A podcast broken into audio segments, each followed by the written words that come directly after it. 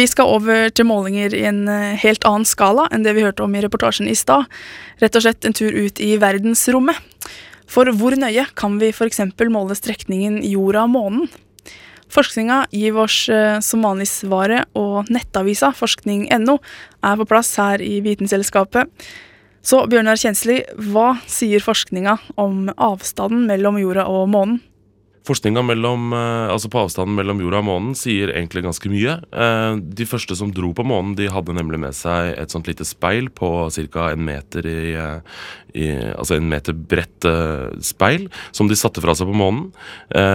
På den siden av månen selvfølgelig, som er rett mot jorda, for den er liksom konstant. Kan alltid se den samme siden av månen mot jorda.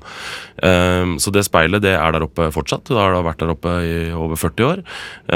Og da kan vi sende opp lasere fra jorda som treffer det speilet, og kommer da tilbake eh, til jorda blir reflektert tilbake. Og ut fra det så kan vi finne ut nøyaktig på centimeteren faktisk hvor langt unna månen er eh, jorda. Og da kan vi også se at det varierer litt. Eh, månen forsvinner faktisk. Så månen trekker seg vekk fra jorda sånn med noen centimeter i året. Men hvor langt er den unna nå?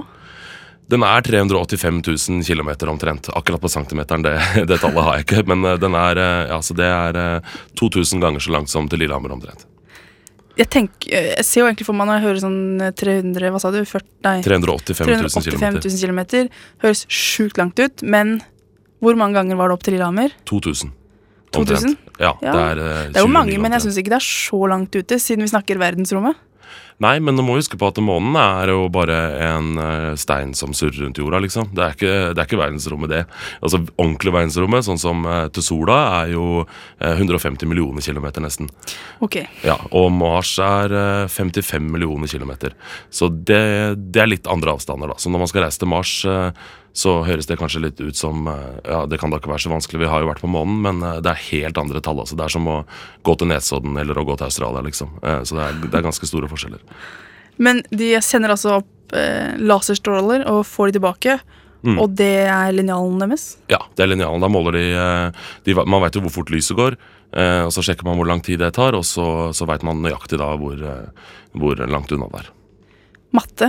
Rett og slett, ja. Eh, før man begynte med sånne ting, så brukte man jo geometri. Da sjekka man jo vinkler og, og, hvor fort de roterte og, og, sånne ting for å finne ut hvor langt unna det var. Det var jo ganske nøyaktig, det òg, eh, men eh, ikke i nærheten av så nøyaktig som det her. da. Så nå, nå har de jo lignende ting på, på, Mars. Nå kan vi ikke skyte en sånn stråle opp og ned til Mars, men vi har jo klart å dra til Mars også, så, så det finnes jo teknikker for å kunne måle avstand eh, ganske nøyaktig, selv når det da er 55 millioner kilometer opp dit.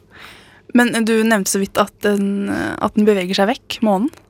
Månen beveger seg vekk, ja. Eh, 3,8 cm i året så forsvinner eh, månen utover. Eh, så den har jo vært mye nærmere enn det den er nå. Eh, og den kommer til å forsvinne. Så den kommer til å, å stikke vekk fra jorda. Og da eh, sliter vi litt, da. Fordi det eh, vi henger veldig tett sammen med månen. Den styrer jo tidevannet, blant annet, som er jo ganske grunnleggende sånn prosess i havene på jorda. Så når den stikker, så, så, blir det litt annerledes uh, her på jorda. Men vi snakker ganske langt fram i tid før vi kommer til å merke noe til det.